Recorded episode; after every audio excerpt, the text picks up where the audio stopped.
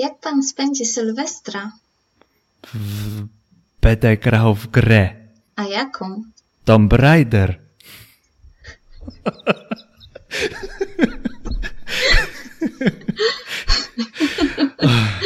Świetne.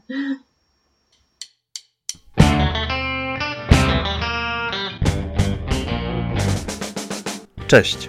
Nazywam się Jędrzej Paulus i zapraszam do wysłuchania podcastu Developer Wannabe. Podcast jest narzędziem do rozwoju. Muszę się rozwijać i zdobywać wiedzę, dlatego do podcastu zapraszam mądrych ludzi z branży IT. Wydobywam z nich wiedzę i nagrywam te rozmowy. Nasze spotkania wypuszczam w formie podcastu, aby każdy mógł się zainspirować do tworzenia, do nauki czy biznesu. Dzisiaj mamy podcast o game devie z Weroniką Ślusarczyk, programistką gier.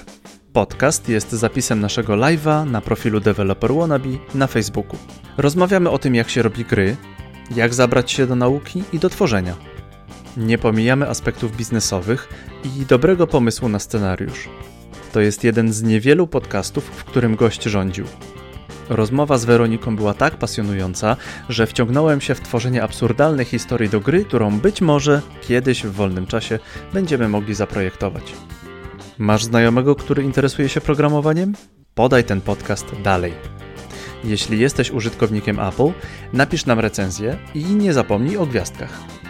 I by the way, jeśli jeszcze nie zasubskrybowałeś podcastu, to w każdej apce podcastowej jest przycisk subskrybuj. Dzięki temu nie przegapisz żadnego nowego odcinka.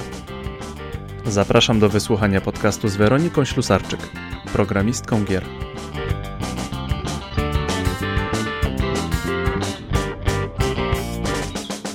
Dzień dobry wszystkim. Kultowy tekst. Ach, ten, ten, ten, ten człowiek powinien dostać chyba Nobla za, nie Nobla, y, Oscara za, za naturalność.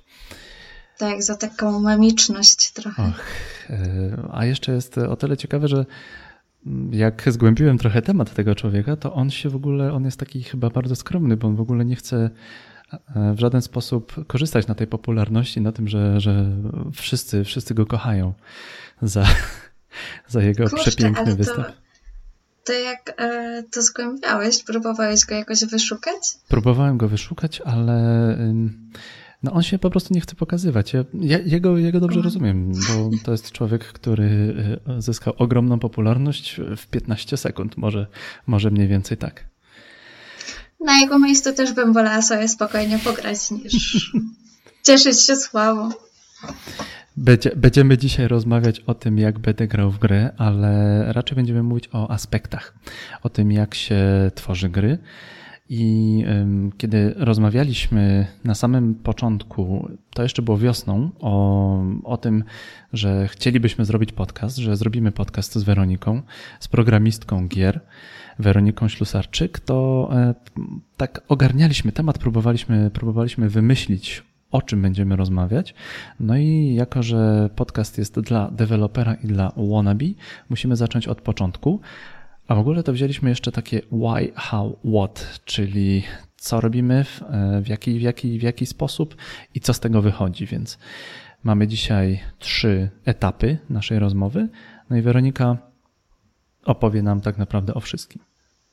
Tak, Ale pytanie, pytanie, z wami waszą, moją pasją.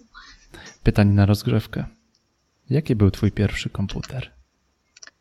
Kurczę, i to jest e, pytanie, które niektórzy mi zadają, Mhm. a ja nigdy nie umiem na nie odpowiedzieć, ponieważ pierwszy komputer u mnie to było takie narzędzie, do którego wsadzały się kadridże, wiesz, z 900 milionów gier, które tam były Wow. włożone. Pe Pegasus taki kupiony od chińskich, e, mm, od chińskich gdzieś tam na stadionie Europa? Dokładnie, coś w tym stylu na targu. Chińscy, chińscy tar ta ta na chińskim targu? co, co, coś w tym stylu. I pamiętam, że to u mnie zawsze leżał na podłodze, bo ja uwielbiałam siedzieć na podłodze wtedy. Mhm. przed telewizorem jeszcze. No i próbowałam w to grać, więc taką pierwszą grą, którą gdzieś tam pamiętam z dzieciństwa, to był w ogóle później Jerry, czy coś w tym rodzaju, gdzie się goniło cały czas za tą myszą, mhm. ale jeśli chodzi o takie rzeczywiście wspomnienia, jeśli chodzi o pierwsze gry, pierwsze komputery i pierwszą styczność z tym, e, to był czas, gdy ja już miałam normalnego peceta mhm. i moja mama chyba przyniosła od znajomego Duma. I to była pierwsza gra, taka, która bardzo zapadła mi w pamięć. W sumie nie tylko mnie, ale też mojej mamie po tym, jak ja e, grałam w to. Szczególnie, że ja wtedy byłam, nie wiem, w przedszkolu, jakoś tak w, Chyba jeszcze do podstawówki nie chodziłam. Musiałabym spojrzeć. Pozwolili ci grać w Duma, jak byłaś w przedszkolu? e, tak. Jeśli o to chodzi, to e, w sumie nigdy nie miałam takich zastrzeżeń, więc wiesz, w podstawówce oglądałam Obcego, grałam w Duma. E, wow. Pamiętam, że byłam bardzo zła o to, że e, moi rodzice wcześniej przeszli Wolfensteina niż ja. I to był taki wyznacznik, że nie, coś jest nie tak. Ja pamiętam, jak mój kolega, mój, mój kolega z dzieciństwa, mój przyjaciel z dzieciństwa miał komputer, ja jeszcze komputera wtedy nie miałem i on miał Wolfensteina i mogliśmy w tego Wolfensteina grać na dwoje. I siedzieli, siedziało takich dwóch pypciów przy komputerze, jeden sterował, drugi strzelał, a potem było no i, a później zamiana była. A potem zamiana była, bo zawsze był taki trochę ból, bo jak tamten strzelał, to ten chciał kierować, tak? A potem, a potem jak tamten, tamten kierował, to, to, to chciał strzelać. I to takie. Pomyśl sobie, ile to umiejętności rozwijało, jak jedna osoba robiła jedno, to druga no. robiła drugie i trzeba było to synchronizować. To był chyba pierwszy raz, kiedy, e, kiedy mogliśmy spędzić e, czas aż do nocy. Chyba pamiętam, że e, graliśmy gdzieś mniej więcej taką listopadową porą i, i nagle zrobiła się dwunasta i mama kolegi zasnęła, a ja dalej u niego siedziałem i naparzaliśmy w tego, w tego Wolfensteina. Coś niesamowitego. Do której graliście w takim razie? Chyba do 0,30. 0,30 okay. wyobrażasz sobie, że to, to, to dla To dla dziecka to było pewnie przeżycie.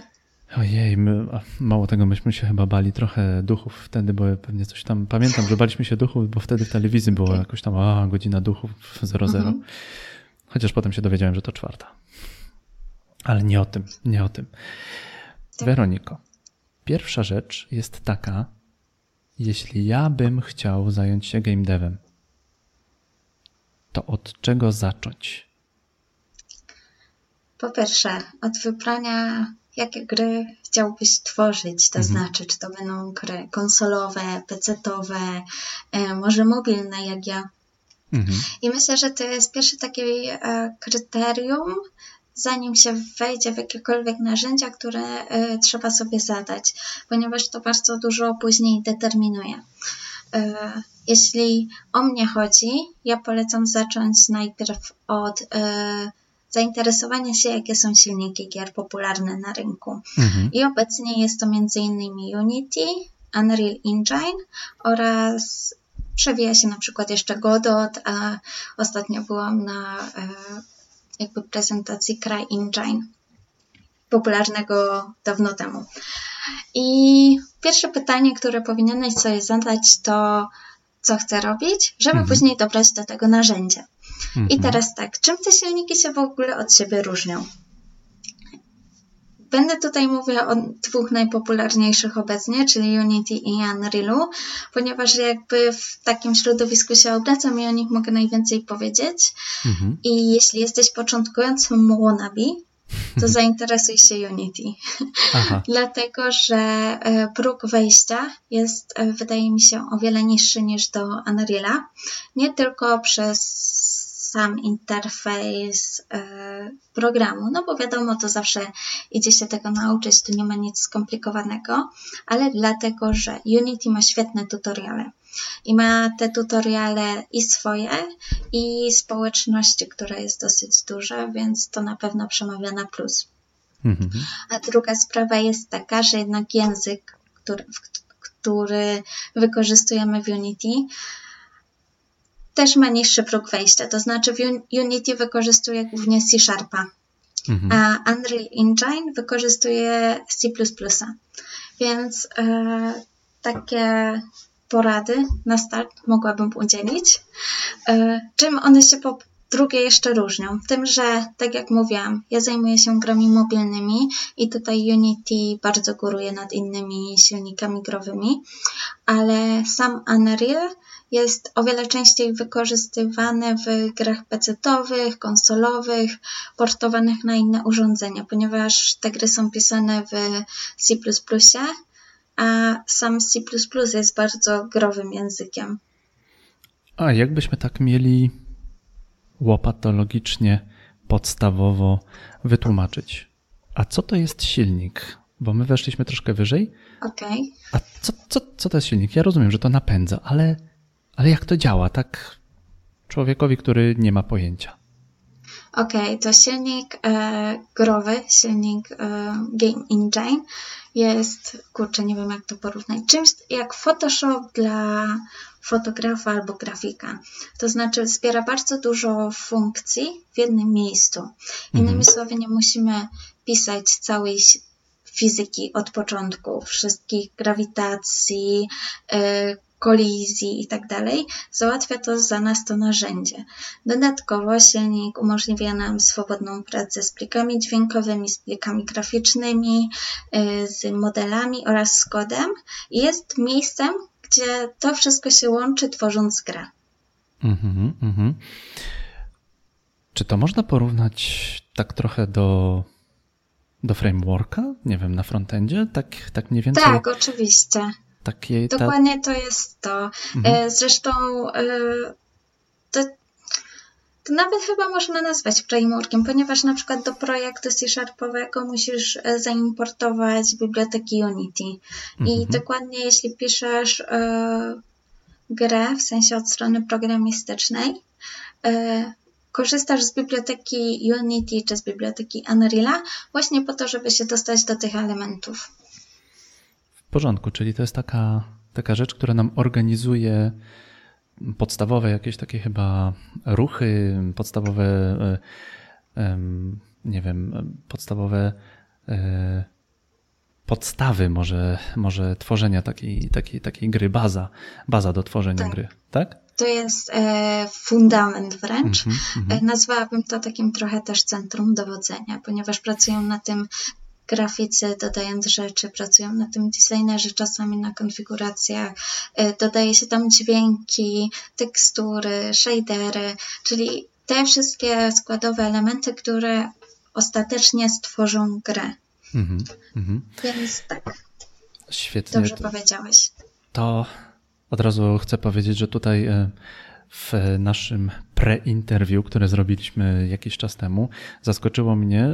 Zrozumiałem, może wiedziałem o tym, ale, ale e, ty mi to uświadomiłaś tak dobitnie, że każdy element w takim, w takim, w takiej grze, no tak naprawdę trzeba zaprogramować i też e, po to są silniki, które, które jakby no, dają możliwości obrotu, nie wiem, jakiejś matematyki że jeżeli coś wybucha, no to te elementy muszą być również jakby zaprogramowane. Dobrze myślę?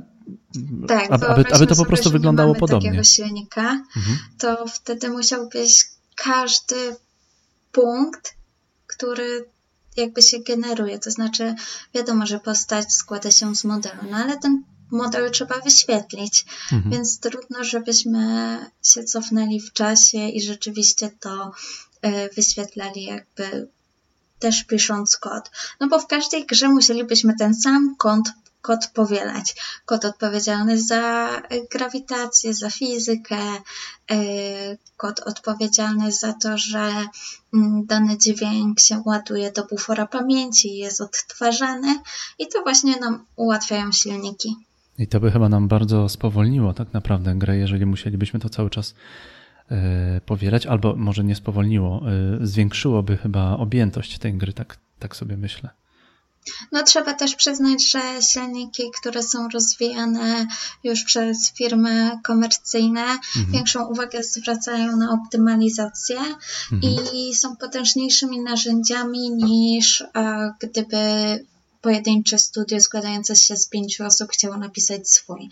Mhm. To się już aż tak nie sprawdza do dużych studiów jak CD Projekt, Techland i tak dalej. To są już studia, które e, raczej bazują na swoich rozwiązaniach, ale jeśli chodzi o mniejsze studia, to jak najbardziej to nadal jest w wykorzystaniu. Szczególnie, że, że licencje e, są na tyle dobrze skonstruowane, że też e, nie trzeba płacić grubych miliardów za, za ich używanie.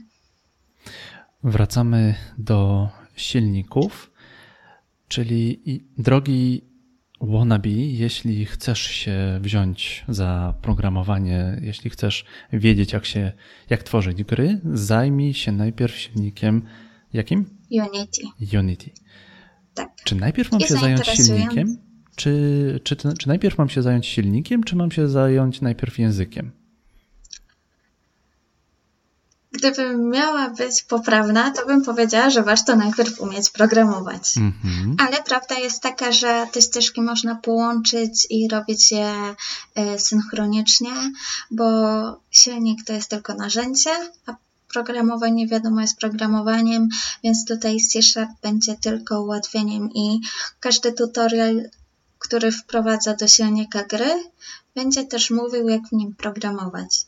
Więc e, jeśli ja miałabym dać radę, mhm. fajnie, jeśli znasz podstawy, wiesz, czym jest pętla for, jak się definiuje zmienne, e, jak pisać obiektowo lub teraz nieobiektowo, bo te e, paradygmaty, jeśli to tak mogę ująć, cały czas się zmieniają. Ale ściągnij Unity i spróbuj zrobić zwykłego Snake'a na komórkę i to dostarczy tyle frajdy, że w międzyczasie pozna się i programowanie, i to, jak się robi gry. No to bądźmy trochę poprawni i powiedzmy e, o tych dwóch, z tego co rozumiem, dwóch głównych językach E, programowania, tak. które, które używa się do gier. Weronika jest e, programistką gier mobilnych, ale to, nie, to w żaden sposób nie przekreśla tego, że ty mm, masz ogromną wiedzę dotyczącą programowania gier. Po prostu to jest chyba Twoja specjalizacja, z tego, z tego co zrozumiałem w naszych pre-interview. Wiesz co, programowanie jest zawsze programowaniem. Mm -hmm. To mhm. znaczy, czy się przechodzi z programowania komercyjnego, biznesowego na programowanie gier, czy odwrotnie. Jakby jest to taka działka, której nie można y, wyodrębnić. Z tego programowanie gier, wiadomo, ma jakieś swoje cechy szczególne. Mm -hmm. y, więc y, tak, ja na co dzień programuję w C-Sharpie. Mm -hmm. Dlaczego? E, właśnie dlatego, że robimy gry mobilne. Gry mobilne są wspierane przez Unity, mhm. a Unity, głównym językiem pisania w Unity jest C Sharp. Mhm. Mhm. I teraz, dlaczego piszę w C Sharpie? Dlatego, że robimy gry mobilne. E, I jak ten C Sharp ma się do C Sharpa, który zwykle widzimy na rynku biznesowym, mhm. E, powiedzmy, że jeden do jednego z lekkim cofnięciem wersji. To znaczy e, Unity zwykle potrzebuje chwili, żeby zaktualizować e, język do najnowszego silnika.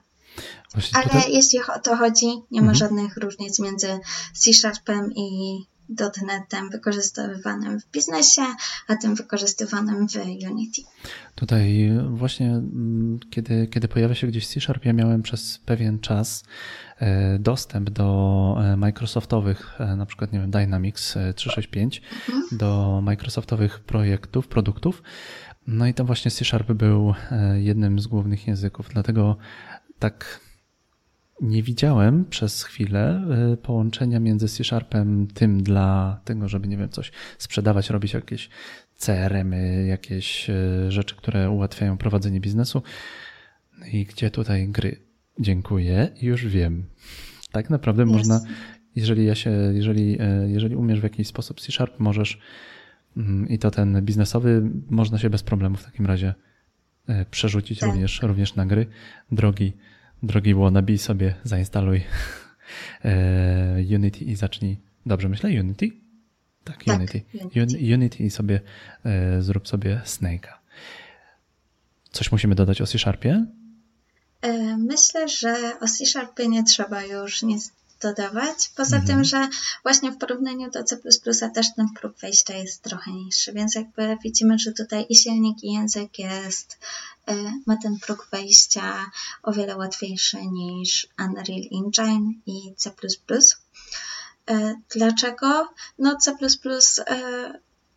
jest często uczony na uniwersytetach, na Mhm. Ale praca z C wymaga bardzo dużej mm, dyscypliny, mi się wydaje, pod względem pamięci. I to się bardzo przydaje przy grach, bo pamięć e, w grach i to, jak są wykonywane te procesy, jest bardzo ważna, bo czasem nawet e, optymalizacja kodu o milisekundy Mhm. jest genialnym sposobem na to, żeby e, z gry, która się zacina, stworzyć grę płynną, która dostarcza bardzo dużo radości. Mhm. Ale C ma dużo rzeczy, o których należy pamiętać i jeśli jeszcze nie jesteśmy zaznajomieni aż tak z programowaniem, jest dużo haczyków, na które możemy się naciąć. Wymieniaj. Między innymi właśnie y, zarządzanie pamięcią. Mhm. I nawet w projektach, y, które mają mało jakby asetów graficznych, czyli y, wszystkich grafik, wszystkich modeli, tekstur i tak dalej, jeśli zrobisz wyciek pamięci, gra nie będzie przyjemna do grania. Więc na to trzeba uważać. A co ci się takiego ostatnim razem zdarzyło, że, że coś było nieprzyjemne do grania? Ja rozumiem, że to gdzieś tak na fazie, na fazie projektowej, projektowania tej gry. Yy, w grach, które ja tworzę, czy w grach, Mhm, które mhm. ja gram? Tak, tak, tak. To ostatnio, ostatnio jakaś taka śmieszna historia, która ci wyszła podczas, podczas tworzenia gry. Może niekoniecznie chodzi mi o to, kiedy ją wypuściłaś, ale tak po prostu zobaczyłaś, że nie wiem, coś, coś nie tak, coś się zacina, coś się wysypało. Jasne. E, takie głupie błędy, które czasem się zdarzają, to coś, co ma się pojawić tylko raz. Pojawia się za każdym ekranem ładowania, przez co e, właśnie zaburza pamięć, Mhm. no bo cały czas jest dodawany dany obiekt do pamięci. Mimo, że ty go nie widzisz e, od strony graficznej, to znaczy patrzysz na grę i wszystko jest ok, a później się nagle okazuje, że im dłużej grasz, tym bardziej się ona zacina Ach, i coś tu jest nie tak. Więc tak, takie sytuacje się zdarzają na szczęście testerzy, czyli moja ulubione, moje ulubione osoby w zespole. Zawsze Mhm. to powtarzam, że testerzy to jest złoto. E, e, Zazwyczaj dosyć szybko wychwytują takie błędy, więc więcej jest e, z tego śmiania. Podobnie jak dużo takich wesołych sytuacji jest, gdy ktoś coś nie zadziała odpowiednio graficznie. To znaczy chociażby te słynne przypadki z płotką, która chodziła w Wiedźminie po dachach, czy psy, które nagle przechodzą przez zamknięte drzwi, ale tylko do połowy. To też się zdarza w grach mobilnych. Albo nie wiem, czy kojarzysz takiego gifa z Kermitem, który tak robi, tak aaa. jeden, jeden, jeden z czasem- moich ulubionych, e, chyba w ogóle jedna z moich ulubionych postaci. Tak, to czasem się okaże, że postać, która ma e, postacie, zwykle te modele mają kości, tak żeby te animacje wszystkie Mhm. prawidłowo się wyświetlały. Być może jakaś kość nie zadziała poprawnie, albo nie zadziała poprawnie fizyka i właśnie wyglądają jak takie e, hipki z crash testów samochodowych, które wszystkie kończyny latają im w różnych kierunkach. Albo przerażony, przerażony Kermit, który mu nie wiem, tam e, cookie, cookie Monster coś, coś zrobił następnego. Ciastko zjadł. Ja też tak wyglądam, One jak ktoś mi ciastko cookie. zjada. Bardzo lubię ten, ten sketch y, o Round and Orange is an Orange. Y, Jest tam taki, jeden taki bardzo chyba, chyba pod y, ciężkim jakimś wpływem napisany, napisany sketch o, o Cookie Okej. Monster i o Kermicie. Narzędzia Musisz omówiliśmy mniej więcej. Sprzedam, sprzedam ci bardzo chętnie. Narzędzia mniej więcej omówiliśmy. Jako, że to jest podcast, to mamy, my mamy dużo czasu, ale mm, chcielibyśmy tutaj zasygnalizować dużo rzeczy. Czy musimy, czy musimy coś jeszcze powiedzieć o narzędziach, e, o silnikach, o językach? Wiesz co, ja tylko dodam, że jeśli chcesz być wannabe i wejść w game dev, to debugowanie i profilowanie powinno stać się e, Twoim ulubionym narzędziem i mhm. zajęciem, jakie masz, e, ponieważ bardzo dużo rzeczy można tak wychwycić, zanim się wypuści e, dany feature czy daną grę do testerów. A wyjaśnij i debugowanie, i profilowanie. Ok, profilowanie, czyli patrzymy, ile gra w czasie działania zużywa pamięci, zużywa na przykład sieci, yy, jakie ma, jakie zasoby, w moim przypadku mobilne, zajmuje. Czy na przykład nie przekracza poziomu pamięci, w którym Android albo iOS ją po prostu wyrzuci, mhm. czyli skiluje. Czyli się po prostu wysypie i już mam, y, nie wiem, w tym Dokładnie. Mario sobie skoczyć, już mam królewnę ocalić, a tutaj pstryk, tak? A tutaj pstryk, bo się okazuje, że gra przekroczyła, nie wiem, 300 mega. Mhm. I wtedy e, mówię, motyla noga, co to za głupia gra. Dokładnie. Czyli się aspekt, e, aspekt wtedy chyba pojawia biznesowy, bo jeżeli ja będę wściekły na grę, to ja ci dam mniej gwiazdek, twojej grze dam mniej gwiazdek, będzie niżej chyba w rankingu tam Google czy Apple, a ja z tego co pamiętam, jak się ma... Dokładnie. Tak badania mniej więcej pokazują, że jeżeli gra ma poniżej 4 gwiazdek, to mało, no program czy apka ma poniżej 4 gwiazdek, to mało kto ją wtedy y, instaluje, więc no nie zarabiamy na niej. Dlatego tak ważny jest proces, że my, programiści, siedzimy nad kodem, to prawda, ale później sprawdzamy po naszej stronie, czy wszystko działa, czy zajmuje tyle i tyle miejsca w pamięci telefonu i w pamięci RAM i czy, czy ma odpowiednie wykorzystanie tych wszystkich zasobów.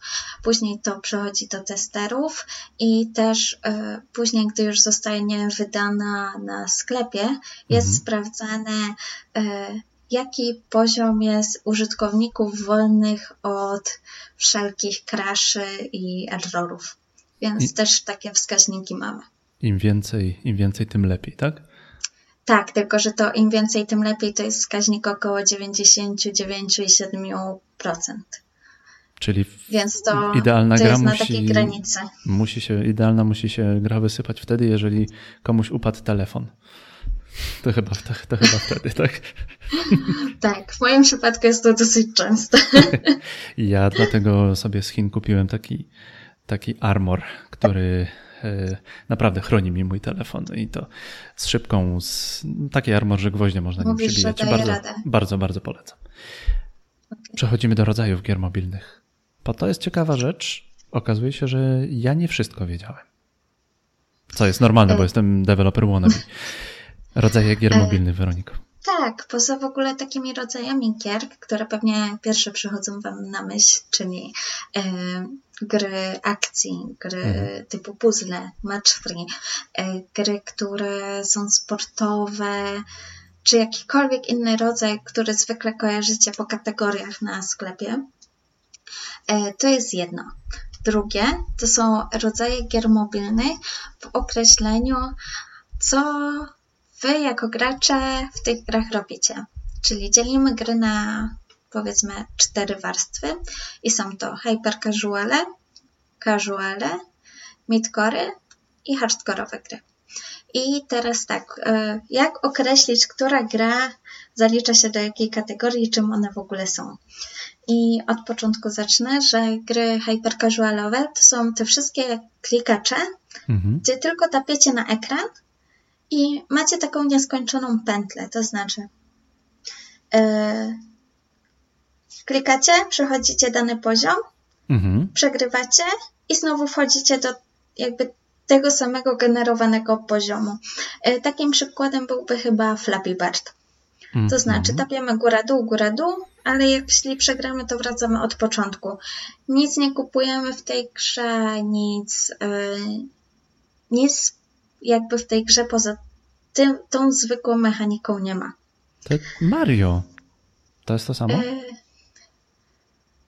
Mario już miał fabułę, więc Aha, tutaj dobrze, bym raczej dobrze. Mario określiła jako grę casualową, Aha. bo jednak wykonywało się w niej o wiele więcej akcji. Tam się skakało, poruszało lewo, prawo, góra, mm -hmm. dół. Musiałeś unikać potworków. Strzelanki. E, wydaje, tak, strzelanki. Wydaje mi się, że, że Mario był już nieco bardziej rozbudowaną grą i trafiłby właśnie do casuali. Mm-hmm, Wiadomo, że te granice są bardzo płynne, więc y, to zawsze jest takie bardziej na wyczucie, na, na trochę na instynkt. Jednak w moim przekonaniu Mario byłby dobrym przykładem gry casualowej. Mm-hmm. Y, gra casualowa właśnie ma już trochę więcej mechanik, coś musisz więcej w niej robić, może strzelać, może zaangażować obydwie ręce, żeby jedną ręką robić jedną czynność, a drugą drugą. Jednak... Od razu, y, od razu mi do głowy przychodzą wyścigi w tym momencie, coś w lewo, w lewo, w prawo. Dobrze myślę, czy znowu poszedłem za bardzo? Super. Myślę, że, że to też jest bardzo dobry przykład. I myślę, że takim dobrym przykładem gry casualowej byłby Jetpack jo, Joyride Jetpack? Jakoś tak się nazywało. Mhm. To była gra, w której miałeś e, plecak odrzutowy, plansza też e, leciała z lewej do prawej i omijałeś tam naukowców, lasery i tak dalej. Z tym, że w tej grze już mogłeś e, na przykład zmieniać sobie ten plecaczek odrzutowy na inny, albo y, zmieniać poziomy, to znaczy one miały cały czas zupełnie inny wygląd. E, mhm. dokupywać różne rzeczy. I to byłby już gra między casualową a midkorową. Czym one się różnią? E, casuale, jak sama nazwa wskazuje, są dla bardzo dużej ilości osób i nie powinny sprawiać nikomu problemu, ale nie mają też rozbudowanej ekonomii ani sklepu. Innymi słowy, e, bardziej chyba zarabia się na tych grach przez reklamy niż przez rozbudowaną ekonomię. Czy my mówimy o sklepie jako o sklepie takim, gdzie można tam różne diamenciki kupić, żeby szybciej, szybciej latać, bierać coś, jakieś serduszka dokupować? Tak, mówimy o sklepie, w którym możesz kupić nowy ekwipunek za sztuczną walutę, którą masz w grze, właśnie mm -hmm, za jakieś mm -hmm. diamenciki, a te diamenciki też kupić za walutę prawdziwą, czyli na przykład dolary czy złotówki. Mm -hmm, Dokładnie. Takie gry już są e, bardziej rozbudowane pod względem ekonomii. To znaczy jednak designer siedzi i sprawdza, na co gracze wydają pieniądze, tak żeby ten postęp w rozgrywce samej, czyli w przypadku Mario w przechodzeniu tych wszystkich leveli, mhm. był zgodny z tym, co możesz kupić, sprzedać y, albo wydać prawdziwe pieniądze w sklepie, żeby ci to ułatwić. Mhm. Takim przykładem y, byłyby na przykład y, popularne gry match free obecnie. To znaczy, możemy tam e, poza samą rozgrywką, w której e, te wszystkie diamenciki e, sobie łączymy, są na przykład też sklep, gdzie się dekoruje akwarium. Jest taka gra. Tak, tak. I nie wiem, czy kojarzysz. Kojarzysz? Mhm, mhm, mhm. Dokładnie. Wciągnęła mnie zbytnio ostatnio. No właśnie, o to w tym chodzi, żeby cię wciągnąć, żebyś grał, żeby ci się ta mechanika łączenia y, match free podobała, tak. a jednocześnie, żebyś miał też cel. I tym celem jest to, że dekorujesz sobie akwarium, karmisz rybki i kurczę, i co robisz? Kupujesz rybkom jakieś rzeczy nowe, ubranka, czy tam czapeczki, czy nie wiem, co tam można było kupować, czy nowe mm. ozdoby do akwarium. Tak, tak, tak. Przez walutę właśnie wirtualną, czyli jakieś tam diamenciki. Ale jeśli chcesz, możesz zawsze wydać prawdziwe pieniądze. My na tym zarabiamy. I tu się zaczyna, e, to jest z kolei znowu aspekt e, w tym momencie biznesowy, polegający tak. na tym, że ja cię do czegoś przyzwyczaję albo doprowadzę cię do takiego momentu, że tak pokochasz te, te, te swoje rybki, że będziesz chciał, chciała, no co, no dokupić jeszcze ładniejsze ubranko, jakieś tam, nie wiem, korale do tego akwarium. Daj mi kasę. To jest aspekt, aspekt biznesowy, który jest normalny w tworzeniu, w tworzeniu gier. Obecnie pracuję przy grze, która e, jest o zombiakach, Zombie Blast wow. Crew. I właśnie tam mamy możliwość grania różnymi e, postaciami, które mają różne bronie, różne sparametryzowane umiejętności. I właśnie jest tam rozbudowana ekonomia, i to są gry zaliczane do gier midkorowych, mhm. to o czym teraz mówiliśmy. E, jeśli chodzi o gry hardkorowe, no to są już takie gry, w których rzeczywiście bardzo mocno się liczą umiejętności, e, wyczucie czasu czasami i są to już gry, w których tacy hardkorowi gracze lubią grać. Ale na rynku mobilnym dosyć mało jest takich gier. Mhm. A możesz e, opisać mniej więcej jak, jakąś grę tego typu, czy na razie e, nie przychodzi? Wiesz co, te gry e, są bardzo podobne do gier miedkorowych, z tym, że jakby ten poziom trudności i poziom wejścia jest bardzo wysoki. To znaczy, na przykład system strzelania jest na tyle trudny do opanowania w przysłowiowe przysłowiową minutę chyba tyle daje mhm. zazwyczaj człowiek czemuś, e, jeśli mu się to spodoba, czy nie. E, że większość graczy, którzy grają przysłowiowo tylko w autobusie czy tramwaju, odpadnie na po prostu trudniejszych mechanikach. Mhm, no i wtedy pewnie, pewnie się znowu znowu będzie jakieś takie negatywne uczucia, czyli, czyli nie chcemy tak naprawdę robić takich, takich, takich rzeczy. Że, no, tak, no żeby, żeby ludzie się denerwowali, nie chcemy robić takich rzeczy. No. Jest bardzo ciekawe, ponieważ to, co powiedziałeś, e, jest w sumie taką esencją tworzenia gier. Mhm. Nie chcemy, żeby ludzie się denerwowali i frustrowali, tak. a przynajmniej nie za bardzo, ponieważ nie możemy ani gracza przyzwyczaić do zbyt łatwej rozgrywki, bo się znudzi. Uzna, mhm. że to jest za łatwe i że nie stawia to przed nim żadnych wyzwań, ale też nie możemy tych gier robić za trudnych, ponieważ się sfrustruje i stwierdzi, nie, nie wychodzi mi, nic w tym nie umiem, odpadam i już nigdy więcej nie zagra. I no ten balans między znudzeniem a frustracją jest bardzo ważny. Kupa roboty to jest stworzenie takiej gry, bo to oprócz tego, że trzeba ją stworzyć, zaprogramować, co, co jest chyba dosyć długim procesem, to jeszcze wcześniej trzeba ją wymyślić, zebrać jakieś jakieś e, wymagania, zbadać rynek, stwierdzić, co tam, co tam ludzie robią, co, jak ludzie chcą. Jeszcze ją zaprojektować tak, żebym się zbytnio, jako ja, jako odbiorca, żebym się nie, nie wkurzał po prostu, że mnie gra wywala albo po dwóch krokach mnie zabijają. Tak, i w sumie dlatego przy grach pracuje tyle osób zazwyczaj mhm. i dlatego na przykład gry mobilne mają bardzo dużo etapów e, w procesie publikowania jej na rynek. E, jest to tyle fajne, że gry na przykład pecetowe aż tyle etapów publikacji nie mają, Mhm. I tam zazwyczaj trzeba opierać się na innych przesłankach. W przypadku gier mobilnych możemy mieć grupy testowe, więc yy, bardzo to ułatwia pracę nad danym tytułem. Yy, ale od czego się w ogóle zaczyna? Pewnie zaraz yy, się mnie zapytasz. Tak, ponieważ ja stwierdziłem, że tera, teraz będę grał w grę. I niech to będzie, niech to będzie Tomb Raider, ale my wymyślmy gry. Wymyślmy i przejdźmy, możemy już przejść do procesu tworzenia gier? Myślę, że jak najbardziej. No to wymyślamy.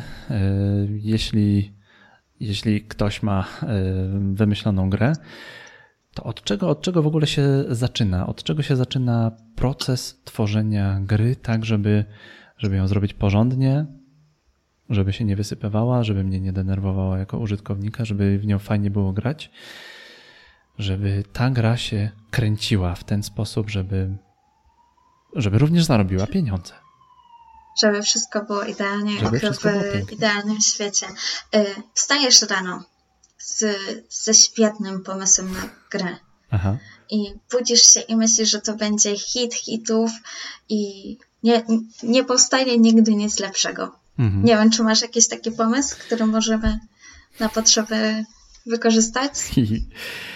no to yy, napadają mnie płaskoziemcy. Okej, okay, to będzie, to będzie, to będzie główny, główny chyba wielkim bossem niech będzie ten taki, taki, taki czarodziej, co tam mówi tam chyba z Lechi, coś takiego. Może nie, może nie, nie, okay. nie konkretnie, ale jest taki czarodziej, yy, który takie ciekawe rzeczy opowiada. I to będzie, niech będzie boss, ale napadają mnie ogólnie płaskoziemcy. To jest, okay, to jest taka myśl. Stajesz z genialnym pomysłem, napadają mnie płaskoziemcy i co dalej? Się zastanawiasz.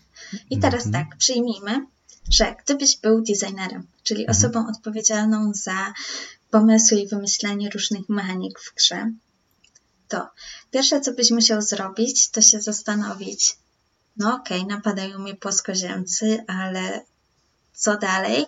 Jak przemienić ten pomysł w pewien fundament, na którym możemy oprzeć grę?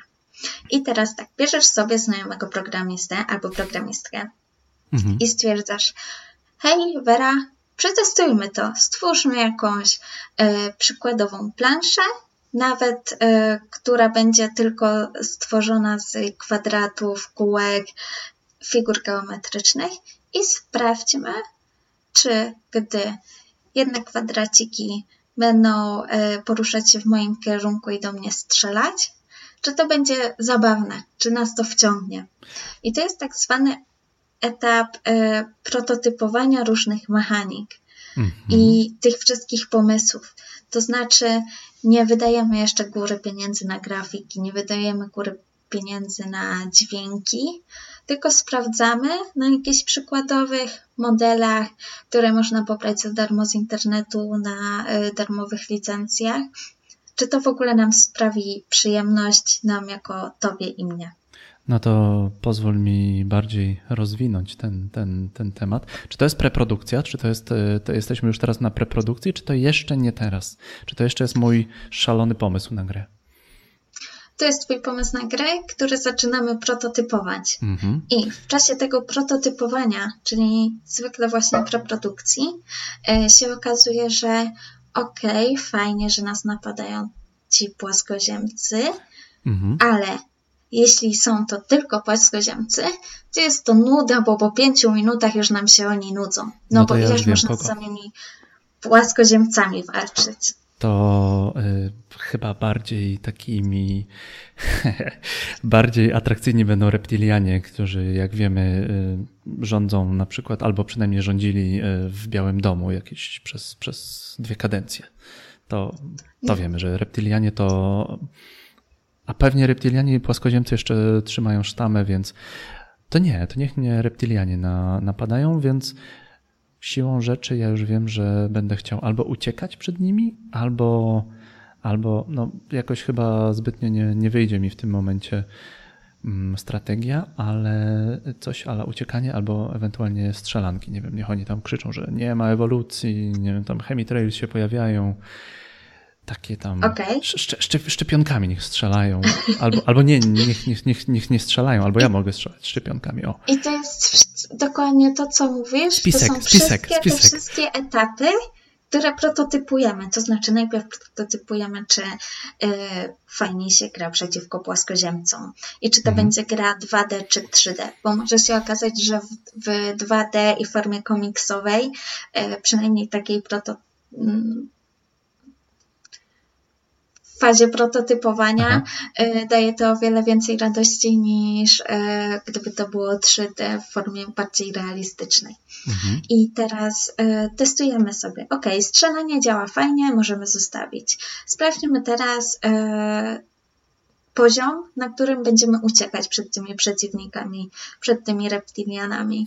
I to już trochę nam nie gra, stwierdzamy nie, coś trzeba innego zrobić. To sprawdźmy, co się stanie, jak zmienimy broń z, nie wiem, ze zwykłego karabinu na broń, która strzela szczepionkami do antyszczepionkowców. I, I właśnie testując te wszystkie mechaniki, sprawiamy, że coraz bliżej jesteśmy gry, która sprawi nam przyjemność, która nas zadowoli. Mhm. Nas jako twórców na razie.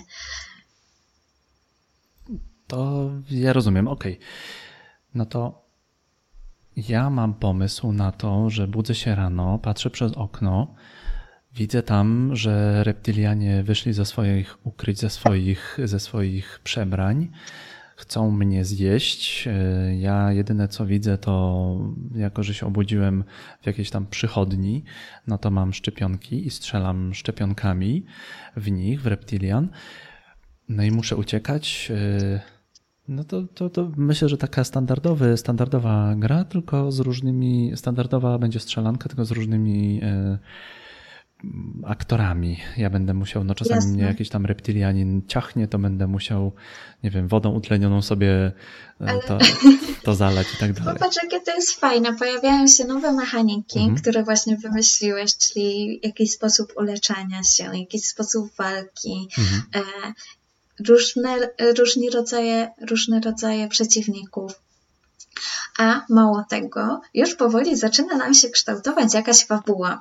Mniej mhm. lub bardziej rozwinięta, jednak to też jest ważne, żeby gracz miał cel, czy to będzie walka z, nie wiem, z przepotężnym czarodziejem, który mówi o płaskiej ziemi, e, czy właśnie to, żeby każdego antyszczepionkowca zmienić na osobę, która jednak pod wpływem tych szczepionek e, jest wyznawcą nauki, czy coś w tym stylu.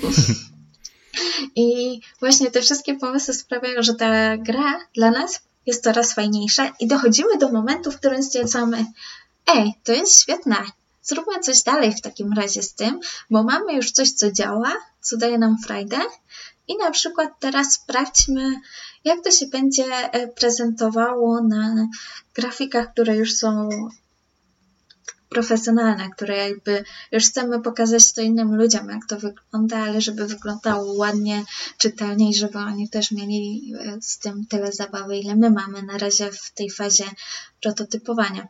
Mhm. I przechodzimy w sumie do takiej fazy, gdy gra z prototypu zaczyna się tworzyć z niej gra taka pełnowymiarowa. I wiadomo, że ten proces już jest nieco dłuższy, bo jest więcej dopieszczenia, o więcej detali trzeba zadbać, o optymalizację, o to, żeby te szczepionki, e, jak się pojawiają na ekranie, żeby nagle nie kraszowały nam gry. Żeby trafiały też w złego reptilianina, żeby tak. nie strzelały. Albo, albo co się dzieje, jeżeli nie trafię w reptilianina, trafię w ścianę. To no, coraz, coraz ciekawiej się dokładnie. robi. Dokładnie. E, Aha, i czy ta wybuchy. szczepionka rozlana na przykład potrafi trochę uszkodzić reptilianina, odebrać mu trochę życia? O. Zaczynam, zaczynam kminić. E? Zaczynasz. Ja, ja tu widzę potencjał. Nie, y, mogę, mogę powiedzieć, że mam bardzo duży bardzo dużą wiedzę o e, reptilianach, a z racji tego, że bardzo lubię astronomię, to płaskoziemcy to też jest moje, jedno z moich zainteresowań, szczególnie te zaćmienia księżyca czy tam słońca. To jest rzecz, którą zgłębiam z punktu widzenia płaskoziemców e, bardzo, bardzo mocno. Czyli robiłbyś taką grę z pasją. No, tylko żebym, żebym ja się. No to teraz. O, właśnie. Ja bym robił z pasją i ja bym, nie wiem, próbował pisać taką grę, albo bym wymyślał taką grę, yy, próbował ją programować, ale co zrobić, żebym ja się nie zapędził? Żebym ja yy, nie popłynął w tej grze. Dlatego dobrze mieć, mhm. e, pracować z ludźmi, którzy mhm. powiedzą stop, nie testujemy już więcej mechanik, to nam wystarczy. Mhm. I druga sprawa, to jest tak zwany etap, gdy nasza gra wyszła już z preprodukcji, jest wartościowym produktem, takim MVP, Minimum Value Product, mhm. tak zwanym. To jest zresztą też z biznesu trochę przeniesione i możemy ją przetestować na graczach. I to jest właśnie o tym, o czym mówiłam, to znaczy w grach mobilnych mamy taki komfort, że mamy coś takiego jak soft launche. Aha. I soft launche polegają na tym, yy, że publikujemy daną grę dla określonej grupy osób, na przykład z danego kraju, yy, z danego przedziału wiekowego i tak dalej, zbierając dane analityczne, to znaczy, czy tym ludziom rzeczywiście to się podoba, czy oni w ogóle przechodzą tutorial, w którym zabija się reptilianina, czy może lepiej zrobić tutorial, w którym strzela się do płaskoziemców szczepionkami. Może to ma więcej sensu i więcej ludzi wtedy z nami zostaje, bo sprawia im to większą przyjemność. Mhm. I bada się te grupy osób na bardzo różne sposoby. Y, to znaczy, czy wolą wersję A, czy wersję B, tak zwane AB testy. Mhm. I wtedy jakby masz pojęcie o tym, jak ludzie sami postrzegają tę grę. Czy oni w ogóle rozumieją, że to jest reptilianie, czy sobie myślą, o kurczę, czemu ja strzelam do jaszczurki z komodo, czy tam do warana z komodo. Poczekaj, e, czy, czy, czy ja aż za bardzo nie popłynąłem, bo tak mi się, tak mi się spodobał ten pomysł, że aż no, to jest e, taka dosyć nie, niedobry moment, kiedy zachwycasz się sam swoim pomysłem, bo to, to jest niebezpieczne. To jest świetny etap, bo później jak e, jest ja ta konfrontacja z tym, jak inni to przyjmują, Aha. to jest zwykle takie spotkanie z rzeczywistością i z poniedziałkiem, jak to zwykle na, na gifach jest. Powiedziałaś o prototypowaniu. prototypowaniu. E, w tym wypadku ja jestem powiedzmy scenarzystą, tak? E, e Dobrze, tak, dobrze myślę, myślimy? że byłbyś bardzo dobrym scenarzystą. A poczekaj, poczekaj. A powiedzieliśmy o designie, powiedzieliśmy o producencie? O producencie nie powiedzieliśmy. Mhm. E, producent to jest taka osoba, która trzyma wszystko w ryzach, jak tak. ja bym to określiła. To znaje, nadaje kierunek, e, nadaje format i która jednak jest odpowiedzialna za cały produkt, czyli za, za tę grę. Jest to bardzo ważna postać, bo właśnie ona mówi, kiedy jest stop, albo Ach, tak. kiedy jednak... Ona mnie powstrzyma, tak? Ona cię powstrzyma, albo w sytuacji, gdy ty nie będziesz się umiał zdecydować, czy y, kolor y, szczepionek ma być y, radioaktywno-zielony, czy jednak naturalny, ona jakby podejmie też decyzję. Wiadomo, że w większych firmach, gdy mamy więcej osób, pracujących przy grze, te odpowiedzialności są kolejno przekazywane na przykład e, dyrektorowi artystycznemu, mhm. czy dyrektorowi e, od programowania i tak dalej. Wiadomo, że te piony są wtedy inaczej rozdysponowane, ale tak, producent jest to osoba decyzyjna pod takim względem, która trzyma pieczę nad tym wszystkim. W porządku. A jakbyś miała tak w dwóch, trzech zdaniach powiedzieć, jak wygląda taki, taki łańcuch od tego, kiedy ja się zakręcę i, i, i, i, i będę płonął tym wspaniałym pomysłem strzelanek z reptilianami, to się zaczyna od scenarzysty, czy zaczyna się jeszcze wcześniej u kogoś? Taki, taki od kogo do kogo przechodzi, w idealnym świecie od kogo do kogo przechodzi e, pomysł, no, cały proces tworzenia gry? W idealnym świecie ten proces nie przechodzi, Aha. ponieważ ludzie pracują raczej nad tym synchronicznie. Mhm. E, więc jeśli ty masz pomysł, jako powiedzmy scenarzysta, jako designer, to musisz ten pomysł przekuć z programistą i grafikiem w coś, co możesz realnie przetestować. Yy, albo na swoim laptopie, albo już na komórce, czyli już stworzyć coś realnego. Ale prawda jest taka, że to nie jest, że w poniedziałek ty będziesz pracował, we wtorek przekażesz to osobie, na przykład programiście, a grafik się tym zajmie w czwartek. Mhm. Raczej e, powinno się działać. Przepraszam cię raczej powinno się działać nad tym synchronicznie. Mhm. Nie tylko z tego względu, że jakby te zakresy prac się pokrywają, ale też z tego względu, że e, sam programista i grafik z powodu swojego doświadczenia w tym, co robią, mogą też mieć świetne pomysły. to znaczy, programista stwierdzi, że mm, wiesz co, ten etap uciekania to nie będzie fajny, bo tu zwykle i się ciężko programuje i ludzie zbytnio tego nie lubią, ale ostatnio widziałem jakąś zagadkę logiczną, którą można rozwiązać i sam przy takiej pracowałem, więc spróbujmy zrobić coś takiego. I wtedy jakby te wszystkie myśli e, przechodzą po prostu jak to się pracuje w zespole, tak? Mm -hmm. Każdy daje coś od siebie, każdy daje jakiś wkład.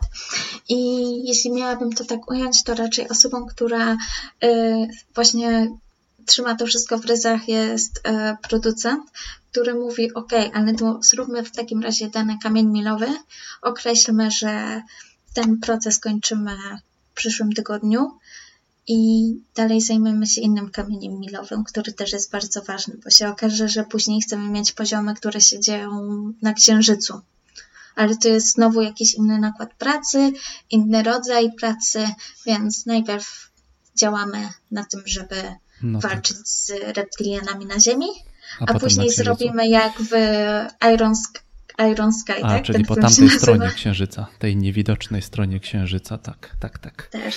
O, ale, ale mi się po prostu głowa rozgrzała ci, powiem. E, fajnie, fajnie, fajnie się bawić. To może być, e, widzę już, że to może być fajna zabawa, że to może dostarczyć ogromną ilość e, no, podjarania się tak naprawdę. Jest, no. jest to branża rozrywkowa, ale nie tylko dla, to nie jest tylko rozrywka dla tych, którzy to konsumują, mhm. ale też dla tych, którzy to tworzą. Powiedzieliśmy to o... pod tym względem jest super. Powiedzieliśmy o rolach w grach. Powiedzieliśmy, powiedzieliśmy o animatorach? E, nie, tych ról jest w ogóle tak dużo. Mhm. Powiedzieliśmy o designerach, trochę wspomnieliśmy o programistach na początku, e, o producencie mhm. i jeśli chodzi o takie role bardzo ważne, no to zostali nam graficy, animatorzy i wszyscy ludzie związani mniej lub bardziej z graficznym aspektem gry mhm. oraz testerzy. Rozwijaj. I, I teraz tak, graficy kurczę, tutaj można wymieniać i wymieniać, bo każdy się specjalizuje w czymś innym. Mamy grafików 2D, grafików 3D, koncept artystów, którzy tylko tworzą e, różnej, różnego rodzaju koncepty do tego, e, co reszta ma stworzyć. Mamy e, ludzi, którzy zajmują się tylko stricte animacją albo tylko stricte tym, żeby danym postaciom nadać właśnie te kości, które później się poruszają. Mhm. I tego jest naprawdę dużo. Graficy pod tym względem mają naprawdę tyle ścieżek rozwoju, że głowa paruje. I to niezwykle są odpowiedzialni za, e, za styl, w którym dana gra została stworzona. Mhm. To, jest, e, to jest grafik. Został nam jeszcze, zostało nam jeszcze kilka osób. E, tak, testerzy, czyli tak mhm. jak mówiłam. Twoi osoby, ulubieni które... ziomale? Tak, moje ulubione ziomki. E, z tego powodu, że zwykle to oni przychodzą z tymi chiobowymi wieściami, to znaczy hej, coś nie działa. No i kurczę, mają taką pracę dosyć... Yy muszą mieć bardzo dużo umiejętności komunikacyjnych, no bo jednak mówienie ludziom, że coś e, popsuli albo spieprzyli, to nie jest chyba najlepsze, co może się trafić. Mhm. E, więc to oni testują gry, oni sprawdzają, czy wszystko działa. Y, starają się opisać te wszystkie błędy, tak, że na przykład ja je mogę powtórzyć. Innymi słowy, mam wytyczne kroki, pierwszy krok, drugi krok, trzeci krok, który muszę wykonać. Te wszystkie mhm. Kroki. A, kroki. Kroki. kroki. Szuka, szukałam innego A, słowa, trudno, ale Trudno ale czasami chyba... żargonu się e, pozbyć, tak? Tak, a staram się jednak e, tłumaczyć takie rzeczy po polsku. W każdym razie mamy te kroki i ja je muszę wykonać, żeby uzyskać ten sam błąd. Na przykład e, Vera, pierwsze, otwórz sklep. Przewin go na sam koniec, przejdź do panelu broni i spróbuj kupić Łuk. miecz świetlny. O, miecz, nie, miecz świetlny bardzo się przyda, szczególnie do, do walki z reptilianami, tak. Dokładnie. I spróbuj kupić miecz świetlny. I się okaże, że owszem, ty ten miecz świetny kupiłaś, ale jak wchodzisz do gry, to zamiast miecza świetlnego masz mm, na przykład gałązkę. Gałązkę. Albo, albo, nie, albo się nie, albo źle Albo świeci. jakąś inną broń, która nie powinna tam w ogóle być. No bo mhm. przecież kupiłaś miecz świetny, jakby ubrałaś go na siebie i, i co jest grane. Mhm. E, albo się wygina miecz też... Tak. E, fajnie jest to, że po pierwsze te osoby muszą być bardzo spostrzegawcze, mhm. bo naprawdę czasem, czasem zdarzają się takie rzeczy, których ja na pierwszy rzut oka nie dostrzegam i muszę się dopytywać, jak dostaję screena. No dobra, ale co tam jest nie tak? A druga sprawa, że też muszą mieć taką wyobraźnię, że jak trzy razy obrócę się w miejscu i spróbuję podskoczyć, to gra się nagle kraszuje Więc wiesz, to są czasem tak nieoczywiste rzeczy, które oni wykonują, żeby tylko zepsuć grę mhm. i przyjść i powiedzieć, coś nie działa, że to naprawdę zasługuje na, na mega szacunek. Scenarzyści ja, ale właśnie, byłem przez chwilę scenarzystą. Cały czas czuję takie, wiesz co, takie, takie podjaranie. Brakuje ci już tego, co? Tak, tak, tak, tak. Już byś chciał dalej wymyślać. Już bym chciał, już bym chciała. Dobrze, scenarzyści, programiści, graficy opowiedziałaś, testerzy. Producent mnie powstrzyma, powie Jędrzej, masz tutaj wodę? Masz tu wodę? I weź się, weź się napij, bo już odpłynąłeś. Tak. Animator. Animatorzy przywołują do życia wszystko to, co powinno być przywołane do życia i nie chodzi w tym przypadku o nekromancję. Hiroshi, tak, e... kocham was. o tak, albo Diablo, też uwielbiam być nekromantą. E, ale to jest e, każda postać ma ileś animacji w sobie. One też muszą się w połowie pokrywać. To znaczy, że jak postać idzie, to musi być y, później takie delikatne przejście do stawania albo do obracania. Y, nie wiem, czy zauważyłeś kiedyś, ale ludzie bardzo szybko wychwytują, gdy animacje są niepoprawne. Na przykład postać chodzi, mhm. ale chodzi tylko nogami i na przykład nie porusza górną połową ciała. I o tym się nie myśli, dopóki coś nie jest nie tak. To znaczy, gdy coś tutaj nie gra, bardzo szybko to zauważamy, ale jeśli wszystko jest w porządku, to uznajemy to za bardzo naturalne. Mhm. I to sprawienie, że uznajemy, że dany potwór porusza się bardzo naturalnie, albo dana postać porusza się bardzo naturalnie, y, że to drzewo, które się buja z lewej na prawą i odgrywa bardzo znaczącą rolę w naszej grze, bo jest to, to drzewo z Pocahontas i mówi nam o naszym celu życia. Wiesz, porusza się dzięki jakiemuś niewidzialnemu wiatrowi. Więc animatorzy to wszystko tworzą i starają się to zrobić tak, byśmy uwierzyli, że, że to jest realne. Zaraz, zaraz, a to są ci ludzie, którzy się bawią matematyką, czy to ty się bawisz matematyką? Jak to jest wtedy? Żeby, żeby to się wszystko ładnie huśtało, powiedzmy. Wiesz co, to są raczej ludzie, którzy tworzą animacje na podstawie ruszania samym modelem. To znaczy, mm -hmm. nie ma tam żadnych obliczeń matematycznych, oni nie programują, ale jeśli chodzi o jakieś elementy, które muszą na bieżąco brać pod uwagę fizykę, y, na przykład to, że naciągasz strzałę mhm. i ona w zależności jak długo przytrzymasz palec, leci dalej, wyżej, bliżej, mhm. już jednak jest do zaprogramowania. Albo to, że jak e, rzucisz jakimś shurikenem, który się obraca i wiesz, który powinien mieć taką parabolę po, to wszystko jednak głowa, trzeba, z tego, co mówisz. Trzeba to już jednak zrobić od strony kodu. I wtedy sama animacja polega tylko na tym, że ten shuriken się obraca, mhm. ale on poruszałby, obracałby się też jakby w miejscu, tak jak sobie czasem na palcu zakręcisz wiatraczek. A to, że on leci już do, do przeciwnika po jakiejś trajektorii, to jest już kwestia kodu. Ach, dużo osób tworzy taką grę, a to na pewno nie jest tak, że jeden animator jest na jedną grę, bo tych animatorów jest kilku, programistów może być kilkunastu, rozumiem.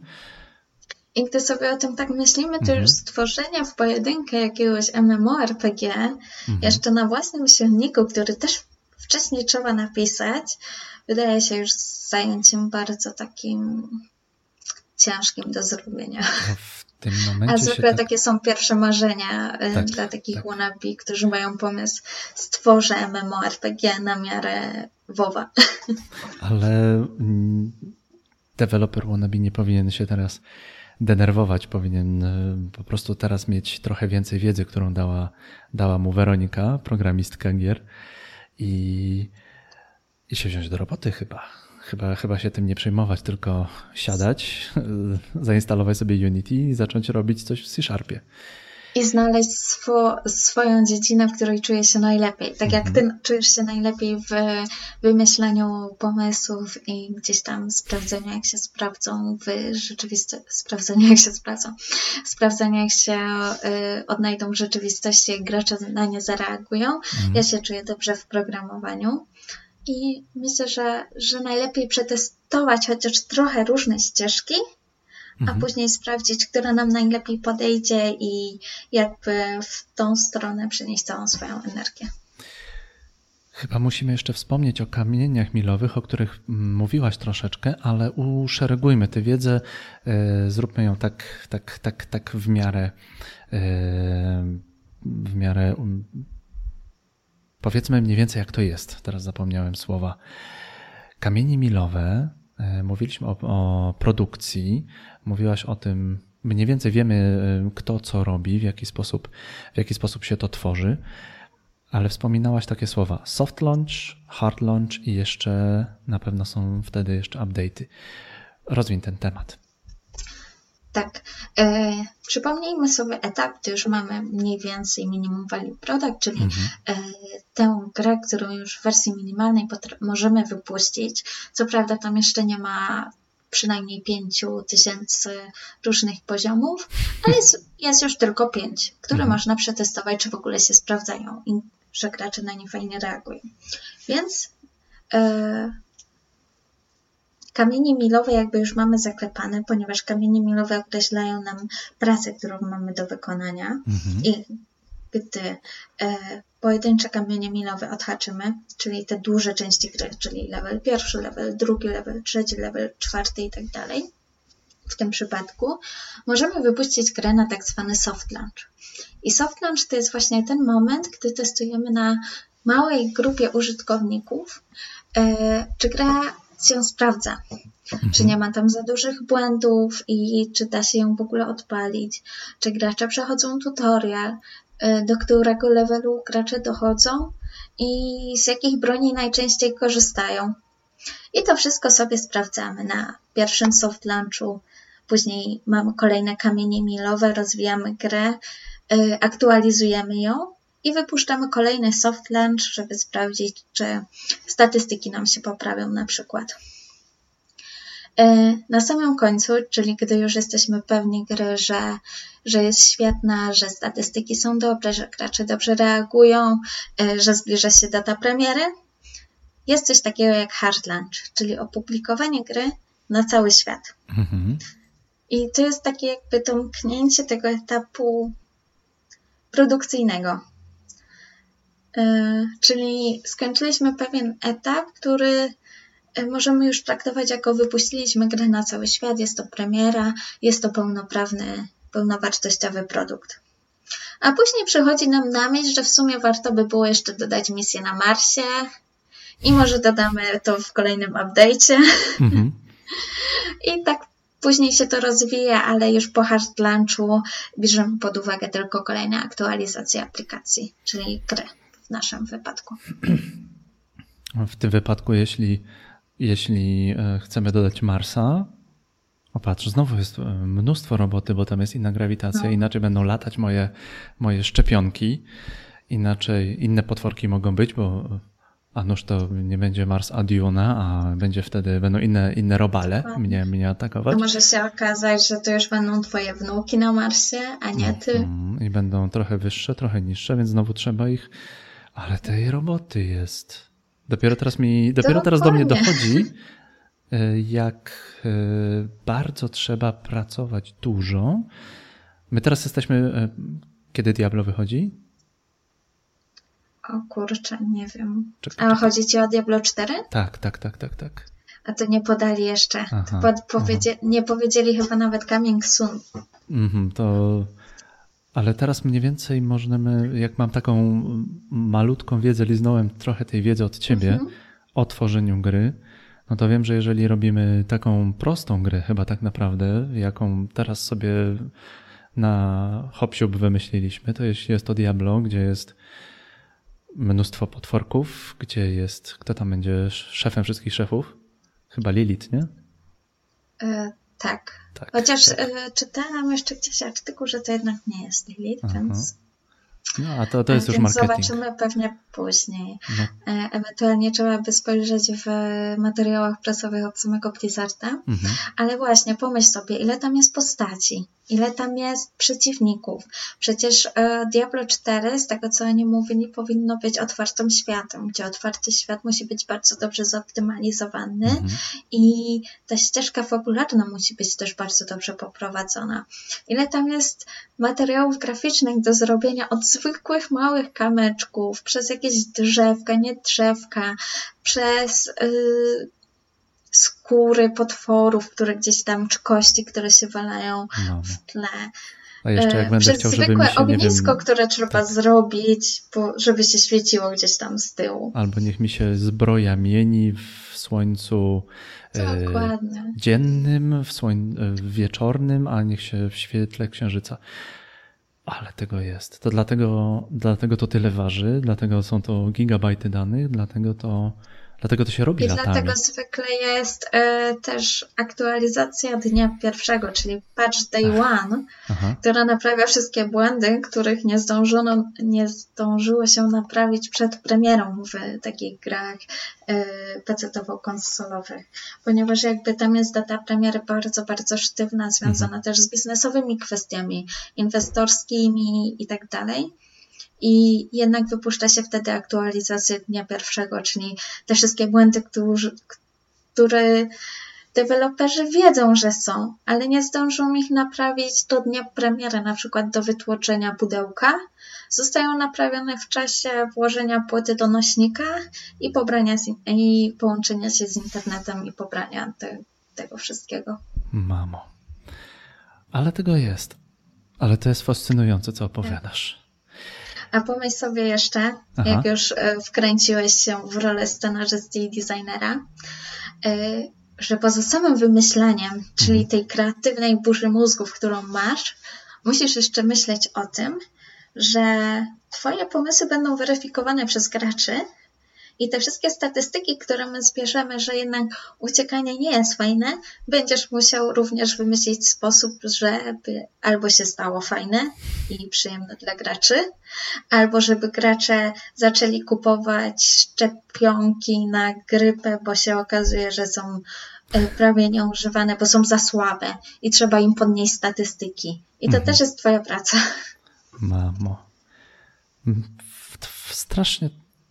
A to jeszcze, to jeszcze wtedy wchodzi. To ja, ja już czuję, że jeżeli mój, e, mój, moja myśl nie będzie, nie będzie dobra, to już muszę kombinować, a jeszcze mało tego w głowie muszę sobie ułożyć, żeby się nie obrazić sam na, sam na cały świat, że ja tutaj taką super rzecz wymyśliłem, a, a świat zweryfikował jak zwykle.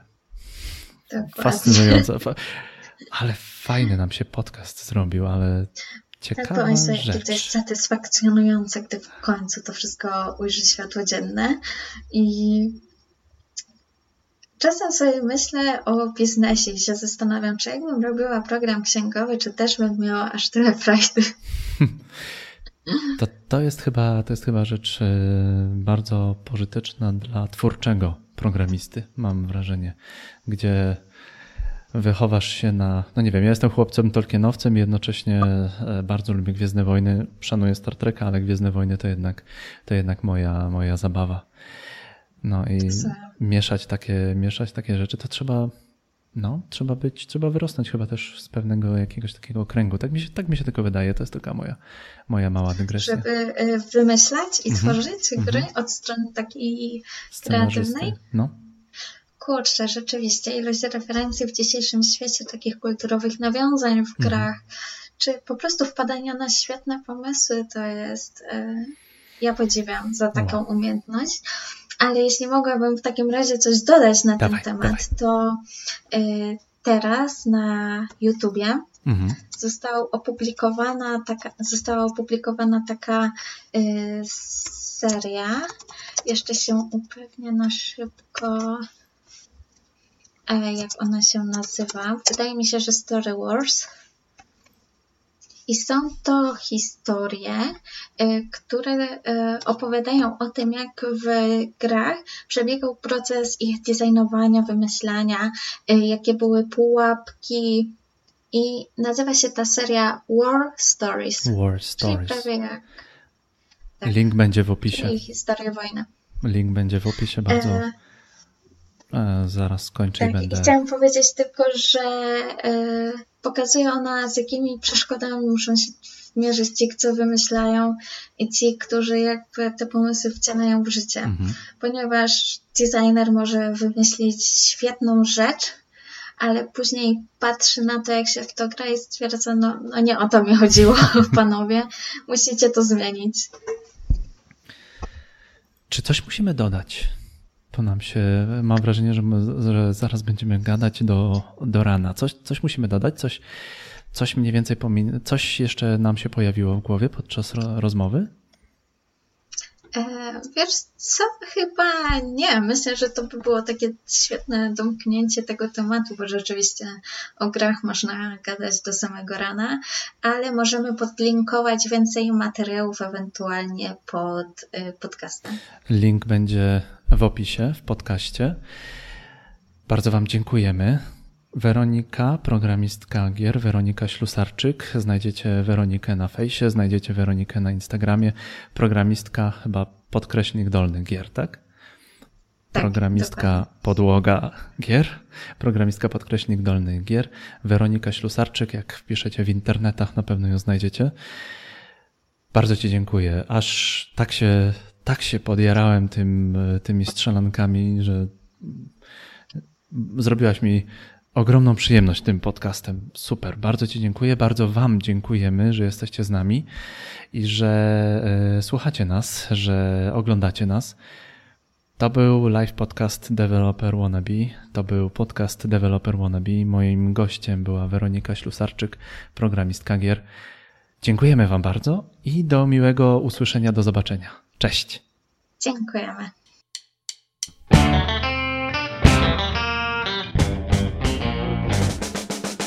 Dziękuję za wysłuchanie odcinka.